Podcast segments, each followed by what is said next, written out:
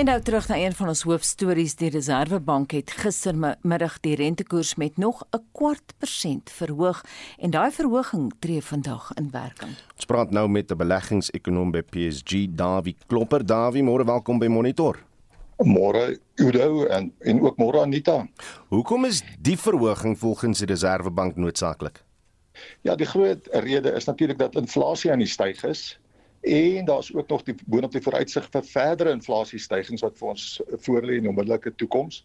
En ons moet dan ook natuurlik sien dat verlede jare het is rentekoerse skerp verlaag en en het van dan die middel van verlede jaar af het die, het die inflasiekoers of eintlik van die middel van 20 20 af het, het inflasie weer begin opbeweeg en is die rentekoerse nou onder die inflasiekoers. So die Reservebank wil dit regstel en hulle wil dan dink ek ook verwagtingsbestuur van wat vorentoe vir ons kan tree wat inflasie eh, aanbetref. Uh, Ja, Davie, ons het vroeër in die program vanoggend gesê dat uh, ten minste twee ekonome het vir ons gesê dit is te wagte. Trouens, hulle het ook gesê ons gaan nog koersverhogings kry later die jaar, maar hoeveel beweegruimte het die Reserwebank gehad in die verband?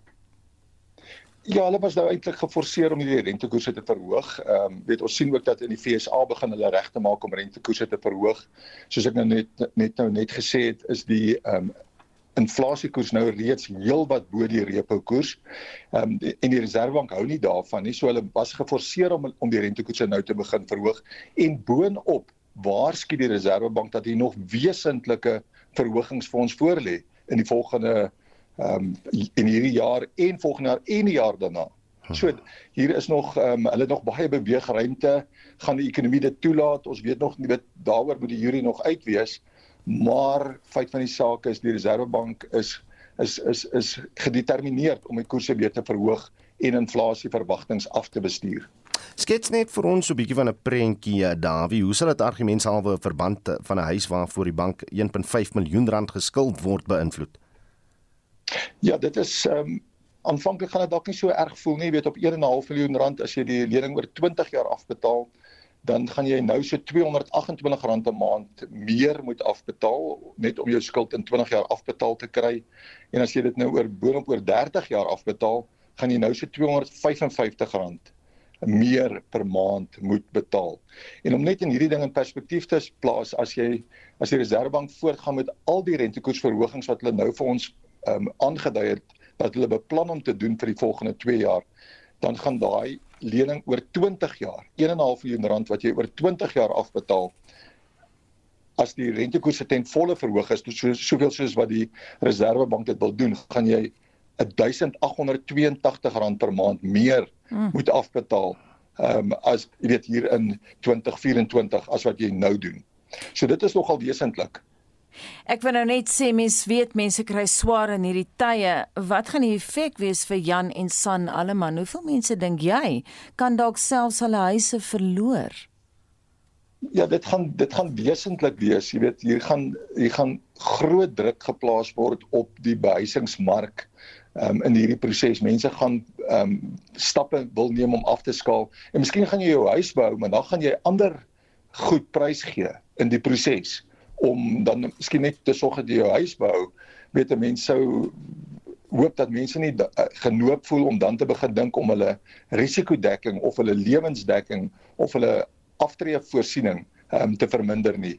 Ehm um, dit is 'n wesentlike ehm um, impak wat hier vir ons voorlê en negatief. Ek wil nou nie mense skrik in die lyf jaag nie, maar wat is jou verwagting as die Reserwebank nou volgende maar weer gaan sit?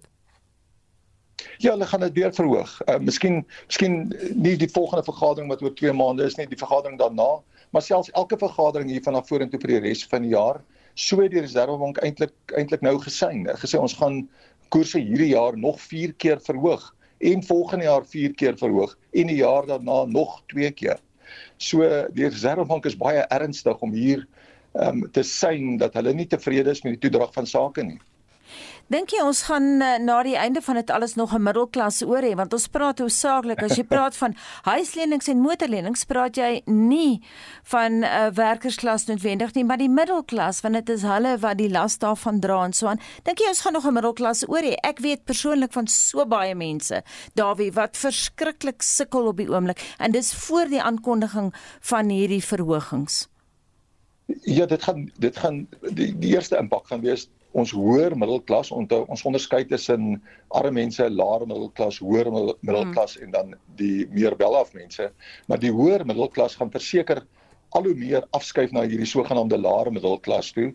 En dit is dit weet in Suid-Afrikaanse terme is dit nie baie hoog nie, al klaar nie. Mm. So ja, verseker gaan dit 'n baie negatiewe impak hê op die hele samestelling van ons van ons van ons um, samelewing en gaan dit mense baie moeilik tref.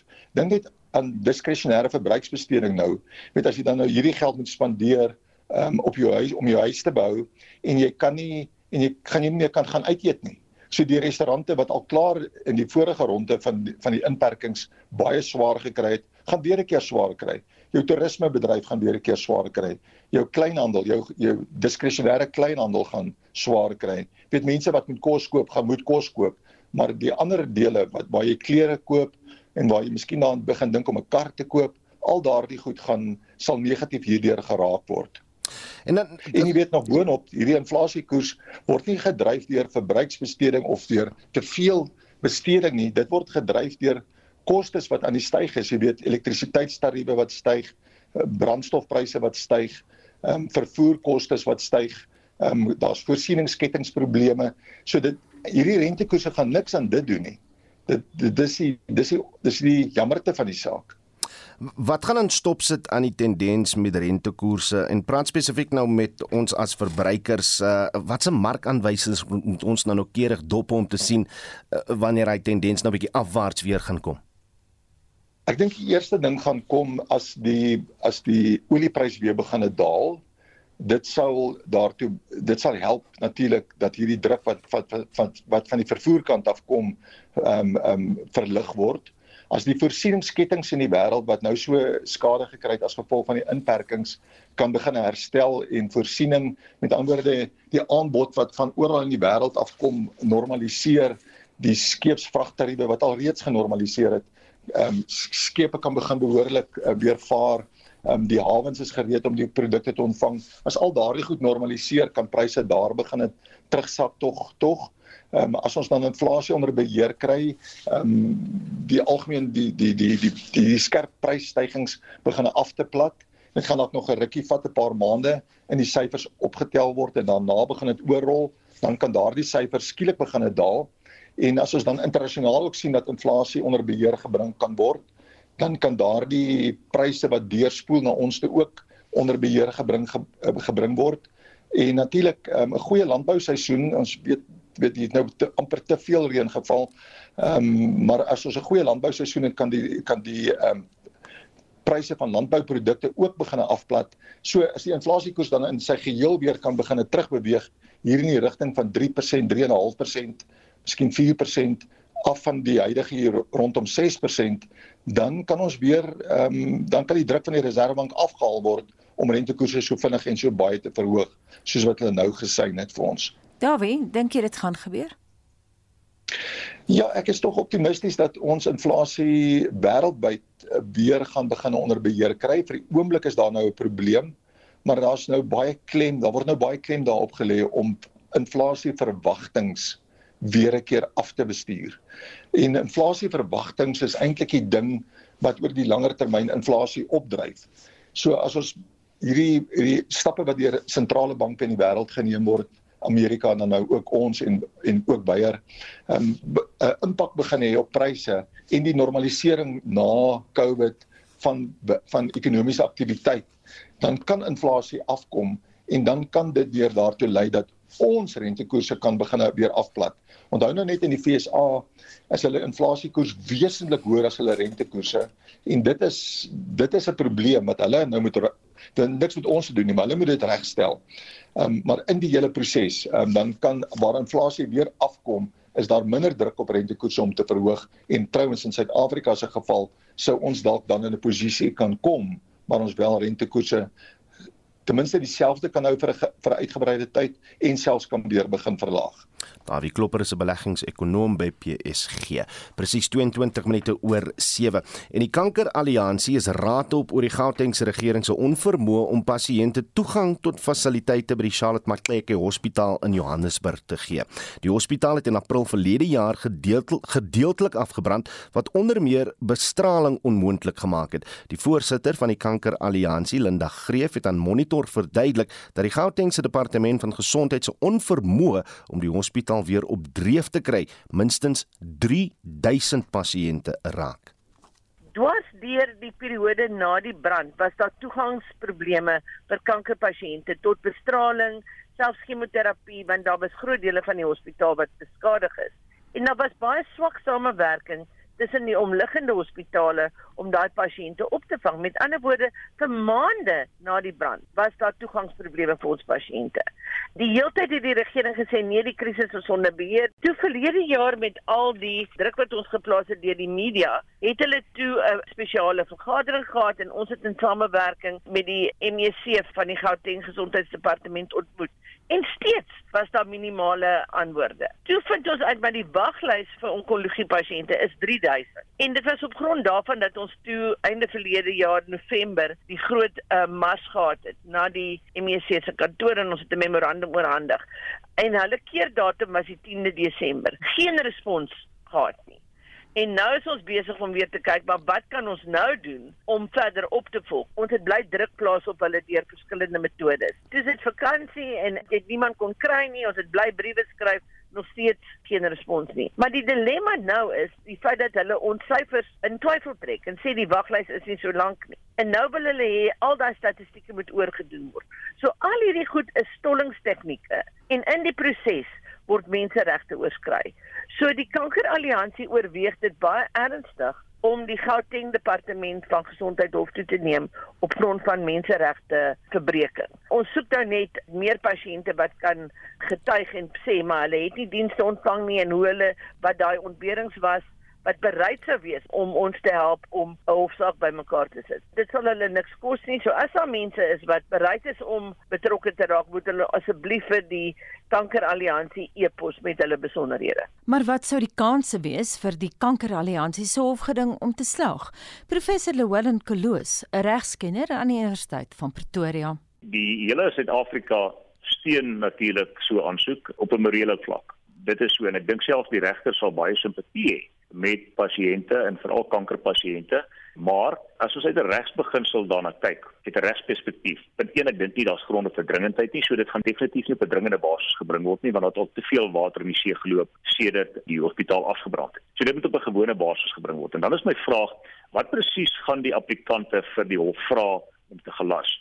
Gaan hulle vir die hof vra om te gelas dat die regering onmiddellik die gebou open, onmiddellik die gebou vervang met alle diewe toerusting. Dit kan tog sekerlik nie van 'n hof verwag word om 'n party te gelas om dinge te doen waarvoor daar op een miskoen moontlik nie finansies beskikbaar is nie. En punt 2 wat natuurlik uh, nog onderhewig is in allerlei ondersoeke. Ek is nie seker wat die regsgronde gaan wees waarop hierdie applikante wil steun nie, maar ek dink nie dit is so maklik as wat die applikante wil uitmaak nie. Ek dink hulle gaan 'n opdraande stryd hê om hof te oortuig om die regering te gelas om onmiddellik net dood eenvoudig die hospitaal weer in dieselfde toestand te hê as waarin hy was 'n paar jaar gelede toe hy ten volle gefunksioneer het. En dit is my bekommernis met so aansoek. Intussen het die DA se gesondheidswoordvoerder in Gauteng, Jack Bloem, gesê hy gaan die saak in die parlement verder voer. I'm asking further questions of the Gauteng legislature about the waiting lists and filling the vacancies and buying the necessary equipment. But I think the real solution is to actually contract the private hospitals to do public patients because otherwise hundreds of people are going to die.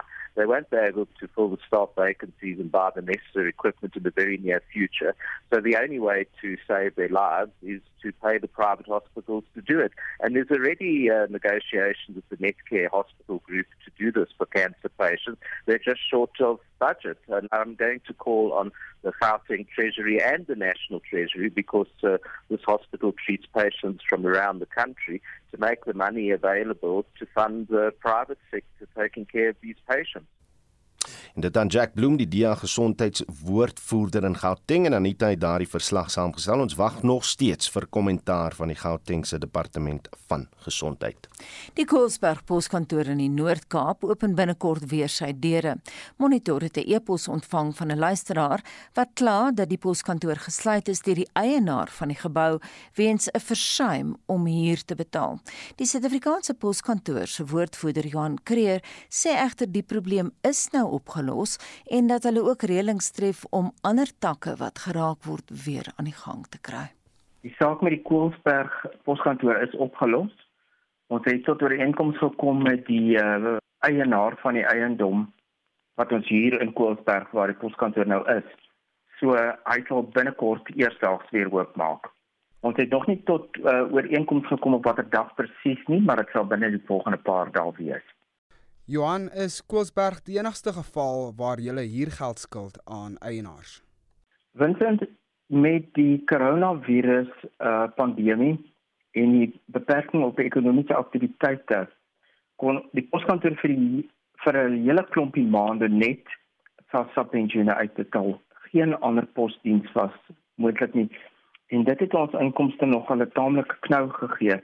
En daardie stadium het ons agtergeraak met huurgeld en ons het dit nog nie ingehaal nie. Wat die poskantoor nou doen is om individueel met eiendoms eienaars te onderhandel en seker te maak ons kom tot 'n ooreenkoms met elkeen individueel oor betalings. In baie gevalle is hulle bereid om afslag te gee op die huurgeld en dan kan hulle dit wel betaal want die poskantoor moet oorbly. Johan herinner net asseblief ons luisteraars waar lewer julle nog dienste? Daar's in elke provinsie 'n paar poskantore wat gesluit is, duidelik. En dit wissel van dag tot dag want soos ek sê ons gesels met die eienaars van die eiendom wat wat ons hier en dan maak hulle maar weer oop op die poskantoor se webwerf. Dit is nou postoffice.co.za. Is daar 'n lys poskantore wat gesluit is en wat die naaste alternatief is. So die beste is eintlik maar om daar te klik en te kyk as jy wil seker maak na watter poskantoor jy kan gaan. En daardie raad kom van Johan Kreer, hy is die poskantoor se woordvoerder en Vincent Mofokeng het daardie onderhoud met hom gevoer. Marlene, wat sê die luisteraars? Rentekoers is gister weer met 25 basispunte opgeskuif. So, skuld word duurder, verbruikers gaan meer op huis en motorlenings moet betaal, maar aan die ander kant van die munt is daar voordele vir die met vaste beleggings waar rente inkomste nou vinniger gaan groei. So waar lê jy? Hoe raak hierdie verhoging jou? Hier is van die luisteraars se terugvoer op ons WhatsApp lyn. Ek het 5 jaar terug 'n uh, vaste deposito by 'n bekende handelsbank gestort teen 'n rentekoers van 12.1% wat na Julie maand vanjaar 5 jaar oud word. Die bank het my verlede jaar begin omtrent gesê dat ek kan maar vergeet om naby 6-7% uit te kom as ek daardie geld sou herbelê. So die enigste afleiding wat ek maak is hierdie rentekoersverhoging sal 'n paar keer drasties moet verhoog as ek weer op dieselfde koers bietjie wil wins maak. Chart van der Walt My raad is moet nie skuld maak nie. Die mense wat dit hanteer bestuur, die regering is onbevoeg. Jy gaan saam in daai gat inval. Op SMS lyn skryf Nita, ons is bly oor die rentekoersverhoging van pensionaarsse kan nie meer werk nie en ons is afhanklik van 'n passiewe inkomste. Nog iemand sê renteverhogings is wonderlik. Nou kan ons weer meer rente op ons vaste beleggings kry. Jippie. Nog 'n anonieme luisteraar, baie dankie vir hierdie rentekoersverhoging. Ons probeer hard om sonder skuld te leef. So hier is goeie nuus vir ons. Asbie van Wyk sê op Facebook, ek is baie bly oor die verhogings. Ons beleggings was maar niks werd oor die laaste paar jaar nie terwyl Jan van Greenen sê dis in lyn met die Bybel. Nou ek dink hy praat hier van die praktyke wat nou daaroor gepraat word. Ehm um, hy skryf beleggers verdien meer rente en geldskuldenaars betaal meer rente en dan al hy hierso uit vir die wat het sal gegee word en die wat nie het nie sal weggevat word selfs die bietjie wat hulle het. Skielik maak daai sin net vir my baie sin. Ehm um, jy kan saamgestel hoe raak die rentekoersverhogings jou? Trek jy baie of bevoordeel dit jou of benadeel dit jou. 45891 R50 SMS, jy kan 'n WhatsApp stemnota vir oula stuur na 0765366961 of praat saam op Monitor en Spectrum se Facebookblad.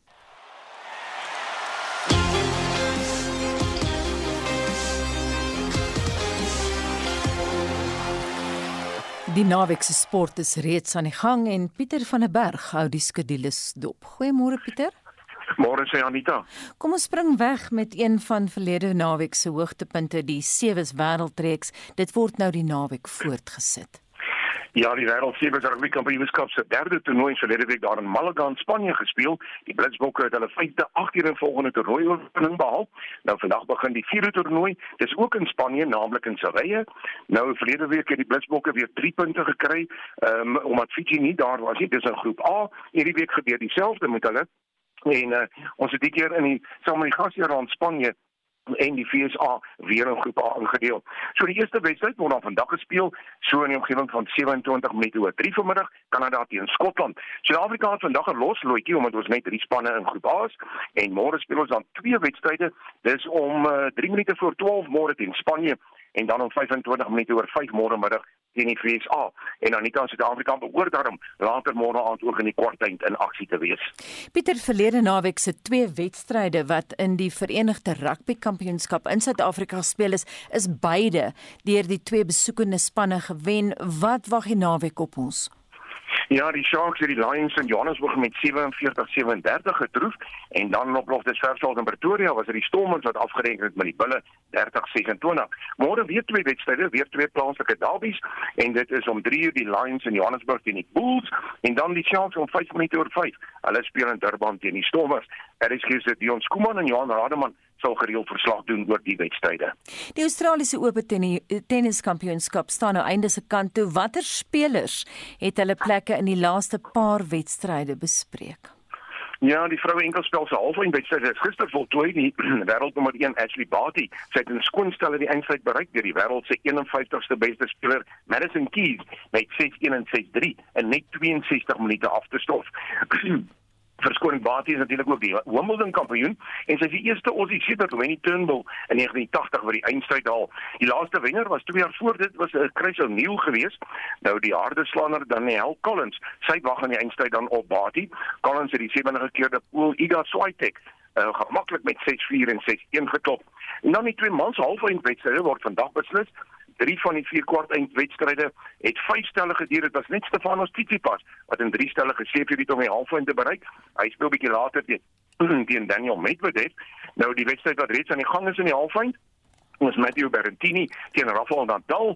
Hy jaag natuurlik, dis nou Rafael sy 21ste Grand Slam titel. Hy het die eerste twee stelle met 6-3 en 6-2 ingepalm en volgens afslaande in die derde stel is die telling 2 potte elk. So dit is Nadal twee stelle teen 0 voor in hierdie halffinale wedstryd. Pieter verlede naweek was daar nie 'n golftoernooi op die Sonskyn Tour hier in Suid-Afrika nie, maar hierdie week lyk sake anders of hoe? Ja, die eerste ronde van die 100ste Vodacom oorsprong van golftoernooi word vandag op die Gary Player baan op Sun City gespeel. Die eerste ronde, môre tweede Sondag die derde ronde. Nou die eerste spelers het reeds om 07:30 afgeslaan. En een van die fokus driebal groeperings volgens my is Emmy van Juni Otto en Christian Basson. En dan die DP Wêreldtoer, um, se Dubai Desert Classic se tweede ronde is reeds aan die gang. Suid-Afrika, goeie nuus. Justin Harding, mede-voorloper op 800 syfer saam met Joachim Hansen van Denemarke, Sina Andrea Pavin van Italië, hy's daar in die derde plek op 700. Dan nog twee Suid-Afrikaners gesaam met 'n agste, Brandon Stone en Erik van Rooyen, hulle is beide op 500.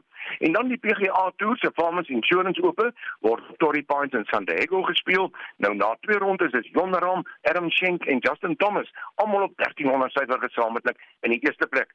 Suid-Afrikaanse Christian Besuitnout, hy's op 600 en hy's daar in die 23ste posisie. En dan die LPGA Tour word in Cambridge uh, daar in Boca Raton in die FSA gespeel. Nou na ronde 1 is Lydia Kou van die Sian die voorloper op 900 dan die hele kant van die FSA op 700 tweede en dan die twee Suid-Afrikaners gesamentlik 87ste Ashley Buhai en Paula Retto beide op 2 oorsyfer. Ons weet die Proteas is nie op die oomblik in aksie nie Pieter, maar daar is wel internasionale krieket asook wedstryde in die plaaslike vierdag reeks. Ja, op die internasionale front loop die West Indies 2-1 voor in die T20 reeks in Engeland. Daar die vierde wedstryd in daardie reeks word môre in Bridgetown gespeel. En dan Suid-Afrikaanse vroue kriketspan, hulle speel van vandag af van hulle eerste van vier eendag wedstryde teen die Windies, dis op die Wanderers in Johannesburg. En dan in die plaaslike vierdag reeks het vier wedstryde in afdeling A gister begin. In die Parel staan die Boland op 310 vir 2 na dag 1, dis teen Noordwes. Dan in Kaapstad is dit die Weselike provinsie op 306 vir 6 teen die Lions na dag 1 in Durban is die Warriors op 343 vir 6 dis teen die Dolphins. En dan in Bloemfontein die Titans op 314 vir 3 en hulle speel teen die Knights. Die aantal spanne in die Afrika Nasies beker sokker toernooi raak nou al hoe minder Pieter. En in Engeland fokus ondersteuners die naweek op die Engelse kampioenskap Ja, daar die Engelse kampioenskap een wedstryd vanaand Anita Huddersfield teen Stoke City om kwart voor 10. Môre is daar hele rits wedstryde. Dit stee, uh, dit sluit in Barnsley teen Bournemouth en dan sien ek Fulham teen Blackpool onder meer en QPR teen Reading. En dan soos jy genoem het in AFCON se toernooi raak die spanne min want is die twee kwart eindwedstryde wat môre geskeduleer is en nog twee vir Sondag. So al vier kwart eindwedstryde word die naweek beslis. Môre Gambia teen Kameroen en Burkina Faso teen Tunesië. Sondag is dit Egipte teen Marokko en Senegal kom teen Ekwatoriaal Genee te staan. Dan Jody Hendricks, hy is vanmiddag terug in eh, spitstyd Anita met die jongste sportnuus. Baie dankie en dit was Pieter van der Berg. 9 minute voor 8 en versengende hitte word weer die naweek vir die Wes en Noord-Kaap voorspel na bloedige naweek pas agter die rug met temperature van tot 45 grade Celsius. Maar lafenis is daarom volgende week op pad. Ons praat nou hieroor met die voorspeller by die Suid-Afrikaanse Weerdiens in die Wes-Kaap, Henning Grobler. Henning, môre welkom by Monitor. Dankie Udo, goeiemôre aan jou en al die luisteraars. Waar en watter temperature kan verwag word in die Noord- en Wes-Kaap? Ja, oudo, ja, ons het uh, ons is weer in vir 'n warm naweek, glad nie so warm soos verlede naweek nie.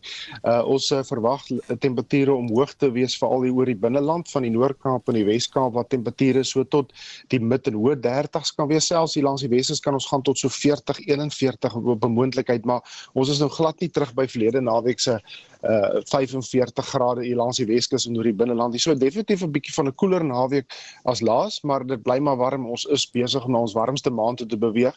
Dan hier langs die kusgebiede lyk dit vir my dan so 'n bietjie koeler met 'n temperature hier in die hoë 20s. So daarom nie te versmaai hierso hier in die Kaapstad omgewing nie. 'n bietjie koeler weer op pad en selfs 'n kans op reën op pad volgende week. Geen net vir ons so 'n bietjie van 'n vooruitsig. Ja, wat ek moet sê die, die, die kans vir reën is nou regtig nou nie eintlik hierso so in die vreeslik in, in Kaapstad self nie, maar dit lyk vir tog vir my daar al 'n klomp tropiese vochtige lug van die noorde af begin instoot en alreeds van môre af verwag ons uh, verspreide by en donderby om voor te kom oor die meeste of oor die grootste gedeelte van ons somerreënvalgebied. En dit lyk vir my dan dat bly dit te kom daar tot met Sondag nog steeds. Dis nou oor die hele binneland somerreënvalgebied Sondag Uh maandag trek dit bietjie meer weswaarts wat dit uh hier oor die Noord-Kaap ook vir uh, verspreide by en donderbye kan kry. Uh don Dinsdag hou ons nog steeds hierso so oor die Wes Wes en Noord-Kaap se binneland. Dit klaar effens op daar in in, in uh, oor Gauteng, Mpumalanga, die Noordwes en die Vrystaat. En dan teen Woensdag nog steeds daai band van by en donderbye wat gaan afstoot oor die binneland. Uh Donderdag begin dit weer ooswaarts uitbrei en dan Vrydag lyk van die grootste gedeelte van die binneland. So daar is reën weer op pad uh, vir volgende week en dit lyk dit gaan maar aan en afwees en as ons nou in gedagte hou dat die somerreënvalgebied het alreeds 'n baie reën gekry dan gaan hierdie dan al is dit net 'n 10 of 'n 15 of 'n 20 mm uh, uh, gaan dit maar 'n uh, bietjie problematies wees op die oomblik. En dit was Henning Grobler 'n voorspeller by die Suid-Afrikaanse Weerdiens in die Wes-Kaap.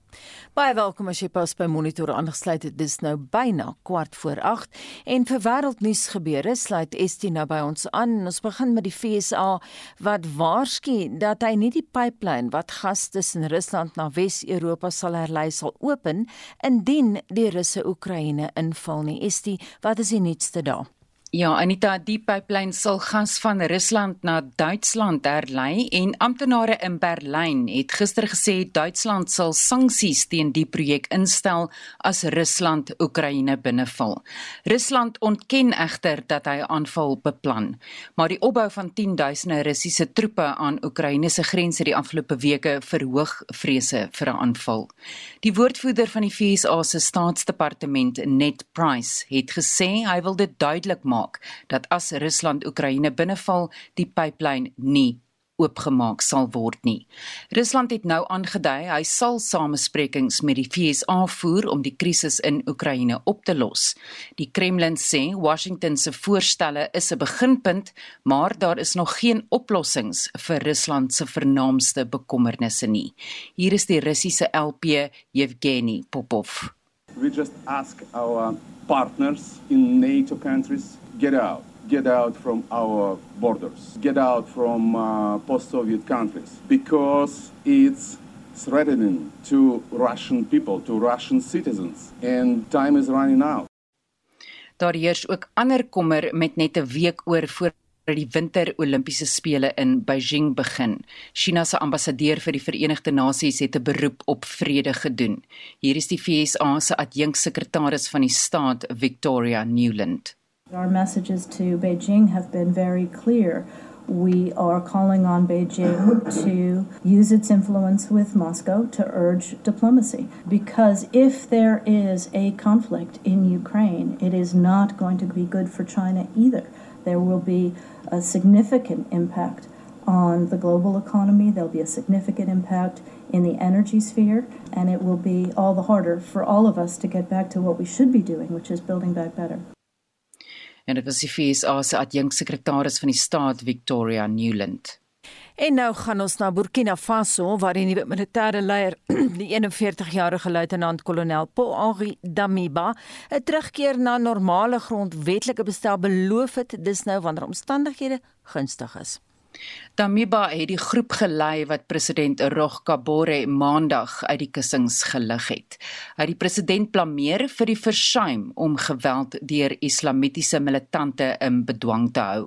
Hy het die nasie gister die eerste keer toegespreek in 'n toespraak wat oor die televisie uitgesaai is en hy sê hy sal samesprekings voer met verskeie groepe van die gemeenskap om te bepaal hoe hulle vorentoe sal beweeg en hy sê Burkina Faso het internasionale vennote nou meer as ooit nodig.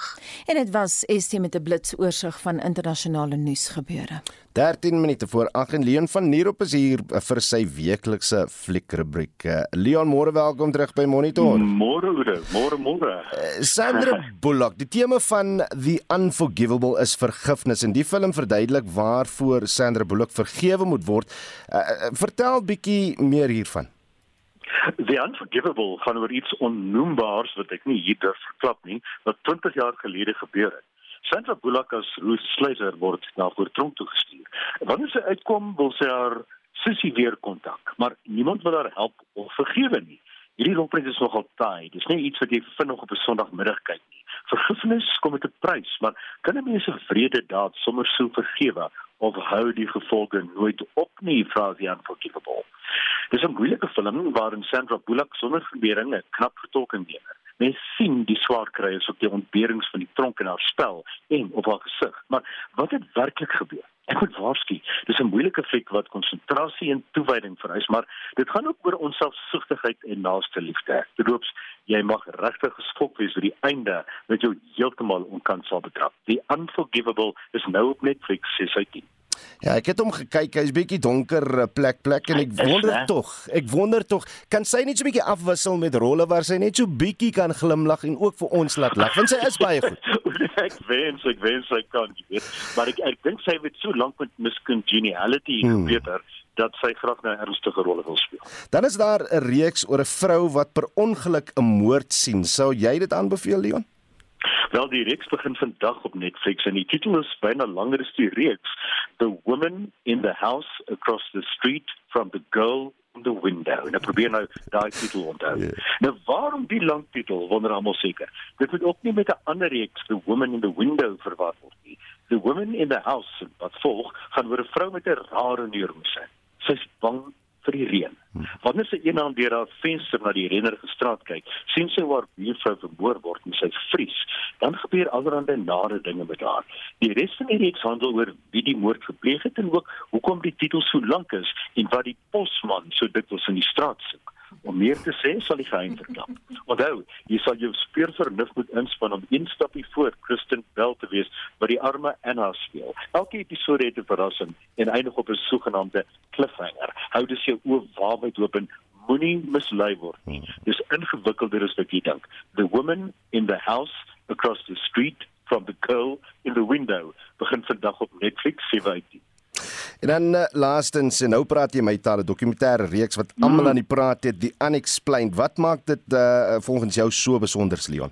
hoe hoe ek sou wil hoe jy party van daai geheime oplos. Nou al die drama van die unforgivable in the woman in the house. Dis al dan iets waar jy net kan sit en staar, maar kom my dit sê jy laat praat. William Shatner, ja van Star Trek, ondersoek rare gebeure en probeer verklaar of daar spooke is en hoe die wêreld se grootste geheime ontstaan het en wat die waarheid is. Maar hy filosofeer ook oor die verstommende oplossings. Hy waarsku, die menslike brein is die vreemdste ding wat daar is en ons weet meer van die ruimte as van ons eie brein. Dis 'n lewendige rekenaar met onbeperkte potensiaal, maar wat gebeur wanneer dinge daarin skeefloop? Die unexplained op die History kanaal, kanaal 186, wys op Vrydag aand om 08:30 se vanaand om 08:30 Dit sal jou die moeite loon om hierna te kyk en self verklaringe vir die grootste geheime ter wêreld te probeer gee. The Unexplained of History kry 8 uit. En dan wil ek net sê jy was doodreg oor Archive 81 en uh, mm. ek het nou Matrix Resurrections ook gaan kyk en hoe minder ek sê hoe beter. Liewer nie mens wil nie lelike taal op die lug hê nie. Glad nie. Ons los hom daar. Leon van hier op met hierdie week se fliek rubriek. Stryd oor cracks, 'n naam vir krummel in die hof, het 'n opskrif in 'n rapport van die afgelope Sondag gelei en dit gaan oor die gebruik van cracks in die naam van 'n mededinger van Salty Cracks. Die hoofredakteur en uitvoerende direkteur van die Woordeboek van die Afrikaanse taal, Dr Willem Botha, bespreek daarom die woorde verkrummeling, sout en die redelike persoon. Wie besit die agtervoegsel cracks in die naam Salty Cracks? Niemand nie volgens die Hooggeregshof in Pretoria. Saltycrack soutbeskuitjies het 'n hofsaak gemaak teen 'n mededinger wat sy soutbeskuitjies snackcracks genoem het. Cracks is 'n woord wat deur Saltycracks vir crackers geskep is en daarom kan dit effe vreemd voorkom dat Saltycracks nie die eksklusiewe reg op die gebruik van cracks in sy produk het nie. Die rapport opskrif stryd oor cracks 'n naam vir krummel in die hof is 'n gepaste woordspeling omdat dit sin speel op beskuitjies wat tot krummels gemaak word. Die gebruik van die voorvoegsel vir in werkwoorde dui dikwels daarop dat iets oorgaan na 'n ander toestand, soos verkrummel, versuiker, verbrokkel en vergrys. Die hof moes in die saak tussen Saltycracks en Snackcracks besluit of die name so soortgelyk is dat dit die verbruikers kon verwar. Die vervaardigers van Saltycracks het onder andere aangevoer dat Saltycracks ikonies is en dat sy mededinger op die golf van sy aansien wil ry deur die gebruik van cracks in die naam Snackcracks. Die Saltycracks soutbeskuitjie is by wyse van spreuke sy sout werd en het sy sout verdien. Hierdie uitdrukkings verwys terug na die tyd toe sout as 'n betaalmiddel gebruik is en beteken onderskeidelik om waarde vir geld te gee en om iets nuttigs te verrig of hard te werk. Die hof het beslis dat die cracks en snackcracks nie genoeg is om die hipotetiese redelike verbruiker te mislei of verwar nie. Dit verwys na die toets van die redelike persoon in die reg. Die toets vra die vraag hoe die gewone, redelike en verstandige persoon in soortgelyke omstandighede sou opgetree het.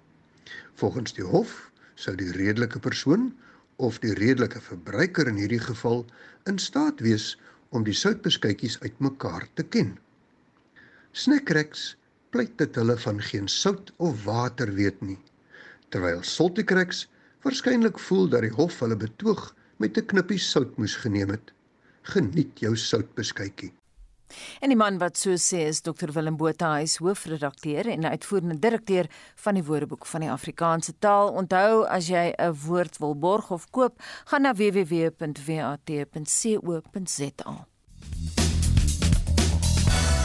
Rentekoerse of hy nou styg of daal, dit raak almal, wat sê ons luisteraars? Drie skryf op die SMS lyn die Reserwebank en regering voel vere vir ons as arme mense. Dit maak ons net armer en hierdie was nie nodig nie. Dis maklik gesê om ontslae te raak van jou skuld, maar met klein salarisse vat dit kos uit jou mond.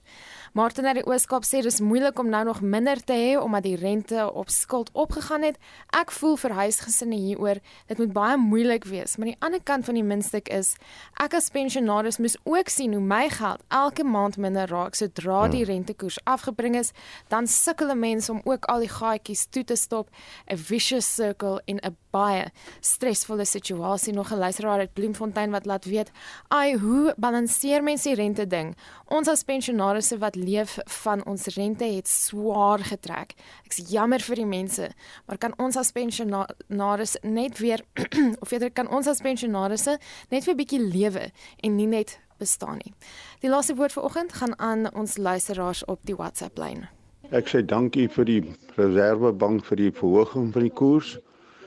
Jy hoor altyd die ekonome praat, dis slegte nuus vir die mense wat huise en karre het, maar hulle sê nooit ek is bly vir die pensionaarsse wat leef van hulle rente. So ek is by, dis Keith van George. Dis Aaron Swanepoel. En uh, ja, ek is bly oor die rentekoers verhoging. Want ek probeer ook sonder skuld leef. Mens kan nie heeltemal nie, maar ek probeer my kinders leer wees jy die ouer die rente verdien, nie die ouer die rente betaal nie iets om oor na te dink, nê? Nee? Wees jy die ou wat die rente verdien, nie die ou wat die rente betaal nie. Baie dankie dat julle saamgestel het. Uh, ons maak weer volgende week se, want dit sal inderdaad Vrydag. Ek het amper gesê ons maak môre weer so. maar maar nee, maar jou werk in elk geval vanoggend is nog nie klaar nie, want jy moet vir ons sê wat gebeur in Spectrum. Ja, Eskom is bekommerd oor groot getalle geskoolde werkers wat maandeliks begin bedank by die kragvoorsiener. Burgerlikes kan nou aansoek doen om deel te wees van die weermag se spesmagte en hoë rentekoerse en 'n uh, meer reënerige somer plaas 'n demper op sterk landbouseisoen. Dit veroorsaak ook dat ons baie meer vliee en muggies en goeters het. So ons kyk 'n bietjie na al daardie kwessies in Spectrum. Onthou vorige uitsendings van Monitor Spectrum naweek aktueel en kommentaar is op RC se webblad as 'n potgooi beskikbaar. Gaan na www.rc.co.za. Ons groet namens ons uitvoerende regisseur Nicoline de Weer, redakteur Wessel Pretorius, tegniese regisseur Daitron Godfrey en die res van die span. Ek is Udo Karlse en ek is Anita Visser.